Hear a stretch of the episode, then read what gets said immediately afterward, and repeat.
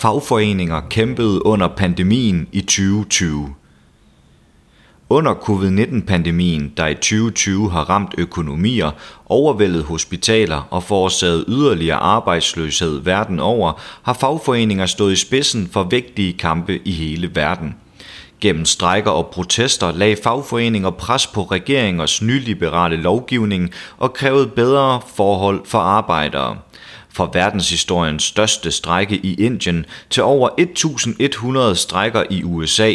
2020 var et år, hvor fagforeninger spillede en central rolle i den skærpede klassekamp. Efter at Italien påviste Europas første smittede med covid-19 i januar 2020, spredte virusen sig hurtigt over kontinentet.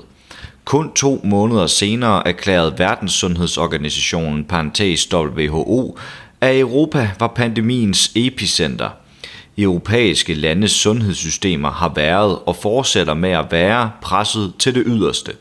Medieorganisationen Newsclick oplyser i den forbindelse, at Belgiens faglige LO parentes FGBT, stod i spidsen for massive protester mod den belgiske regerings nedskæringer i sundhedsvæsenet. Ligeledes kaldte Føderationen af Græske Hospitalslæger Pantes OENGE til aktion mod Grækenlands regering, der også har skåret ned i sundhedsvæsenet det seneste årti. OENGE krævede tilstrækkelig finansiering, personale og ressourcer i kampen mod covid-19, oplyser People's Dispatch. Også Frankrigs største LO, CGT, gik til kamp for sundhed med kampagnen Jeg er udmattet. Her demonstrerede sundhedsarbejdere i Paris med krav om bedre sikkerhedsforanstaltninger, højere løn og mere personale. Newsclick skriver desuden, at sundhedsarbejdere og sundhedsrettigheder var i højsædet den 1. maj overalt i Europa, hvor fagforeninger og venstrefløjspartier krævede yderligere investering i sektoren. For uden sundhedskampe har Europa set talrige protester mod de hjælpepakker, som regeringer har foræret til firmaer i skattely, samtidig med at mange tusind arbejdere er blevet fyret. Et andet vestligt land, hvor fagforeninger har kæmpet for sundheden, er USA. Ifølge WHO er USA det land i verden, hvor der er registreret flest covid-19-tilfælde, og hvor der i dag er registreret over 22 millioner smittede. Pandemien har lagt et massivt pres på USA's private sundhedssystem, der har manglet ressourcer og personale. Journalisten Susan Glaser fortæller i The New Yorker, at sygeplejersker har været iklædt affaldssække på grund af mangel på beskyttelsesudstyr. Bloomberg Laws journalist Ian Colgreen skriver, at det manglende beskyttelsesudstyr og de lange vagter har ført til, at mange organiserede læger, sygeplejersker og hjemmehjælpere har forladt deres arbejdsplads i protest. Men covid-19 er ikke det eneste, der i 2020 førte til strækker i USA. Politimordet på den sorte mand George Floyd resulterede nemlig i et opgør mod USA's racismepandemi.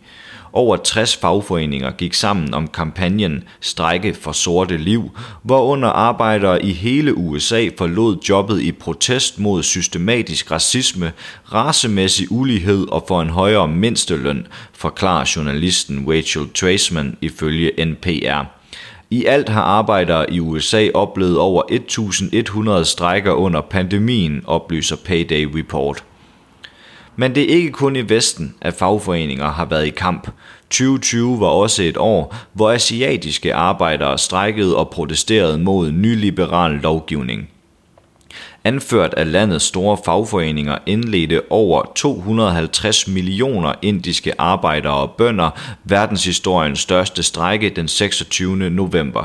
De strækkende krævede, at Indiens højre radikale regering tilbageruller sine nyliberale planer om omfattende privatisering i landet.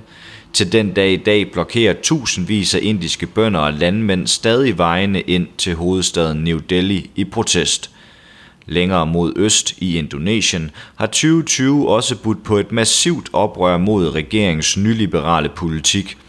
Ifølge Newsclick gik landets fagforeninger sammen og arrangerede demonstrationer, efter at regeringen indførte en ny lov, der både ville fjerne mindstelønnen og en af arbejdernes to ugenlige fridage. De indonesiske arbejdere har afholdt massive protester hele året, hvor de ofte er blevet mødt med politivold og anholdelser. Men intet tyder på, at fagforeningerne er færdige med at kæmpe. Også i Filippinerne har arbejdere mobiliseret mod landets højre radikale regering, der har vedtaget en ny terrorlov. Ifølge People's Dispatch har Filippinernes præsident Rodrigo Duterte truet med at bruge lovgivningen mod venstrefløjen, efter at de protesterede mod manglende covid-19-restriktioner. I Afrika er det ikke manglen på covid-19-restriktioner, der har været den primære årsag til vrede blandt fagforeninger. Det er derimod manglen på udbetalt løn. Ifølge Newsclick havde sundhedspersonale i Nigeria ikke fået løn i flere måneder, før pandemien gjorde sit indtog i landet. Derfor arrangerede sammenslutningen af hjemmehørende læger, parentes ARD, en protest under pandemien, hvor læger nedlagde arbejdet med krav om at få udbetalt deres løn. Et lignende, men længere oprør har udfoldet sig i Kenya, hvor over 2.000 sundhedsfolk er blevet smittet med covid-19. Og fordi sundhedsfolk ikke havde fået løn i flere måneder, havde mange ikke råd til at blive behandlet, da de blev smittet med virusen. I december nedlagde kenyanske sygeplejersker og læger derfor arbejdet i protest. Også i Sydafrika indgik de unge sygeplejerskers fagforening Indaba en strække med krav om, at regeringen betalte for sundhedsfolks transport, indkvartering og lønstigninger. De sydafrikanske sundhedsfolks protest fik opbakning fra andre arbejdere i frontlinjen af pandemien, da fødevarearbejdernes fagforening Farvo og metalarbejdernes NUMSA erklærede deres støtte – Ligesom i store dele af verden har arbejdere i Latinamerika også lagt pres på deres regeringer, der har været udfordret i at inddæmme covid-19. Især i Brasilien har der været stor utilfredshed med den højre radikale regering, ledt af præsident Jair Bolsonaro. Mayra Matias og Mateus Falcao, repræsentanter for Folkets Sundhedsbevægelse i Brasilien, skriver i People's Dispatch, at Bolsonaro har benægtet grundlæggende fakta omkring covid-19 og udnyttet pandemien til at antænde sine supportere mod præsidentens fjender. Selvom Brasilien er blandt de tre lande, med flest covid-19-tilfælde i verden har Bolsonaro fortsat benægtet pandemiens alvor, har afbrudt sin egen isolation for at deltage i en demonstration mod forbundsdomstolen og opfordret brasilianere til at vende tilbage til normalitet – Derfor har sygeplejersker og andre sundhedsfolk i mange brasilianske byer afholdt daglige protester mod regeringens håndtering af covid-19, der ifølge Newsclick har efterladt arbejderne uden værnemidler. Imens gennemførte sundhedsarbejdernes fagforening i Chile, FENATS, en strække, hvor 60.000 arbejdere deltog. Denne strække var en protest mod Chiles regering, der havde nedskåret den offentlige sundhedspleje med over 3% midt under pandemien. Så selvom pandemien unægteligt gjorde 2020 til et hårdt år for den internationale arbejderklasse, har covid-19 ikke slået fagforeningerne ud – hvor smertefuld 2021 end kommer til at være i kølvandet på pandemien, så indikerer tendenser verden over, at en radikaliseret global arbejderklasse vinder frem fra ildprøven i 2020 med en beslutsomhed om at udfordre neoliberal kapitalisme, slutter Newsclick. Du har lyttet til en artikel fra Arbejderen. Abonner på vores podcast på iTunes, eller hvor du ellers hører din podcast. Du kan også klikke ind på arbejderen.dk for meget mere journalistisk indhold. Du er også velkommen til at følge Arbejderen på YouTube, Facebook, Instagram eller Twitter, samt tilmelde dig Arbejderens daglige opdatering på Messenger. Vil du i kontakt med redaktionen, kan det ske ved at sende en mail til redaktion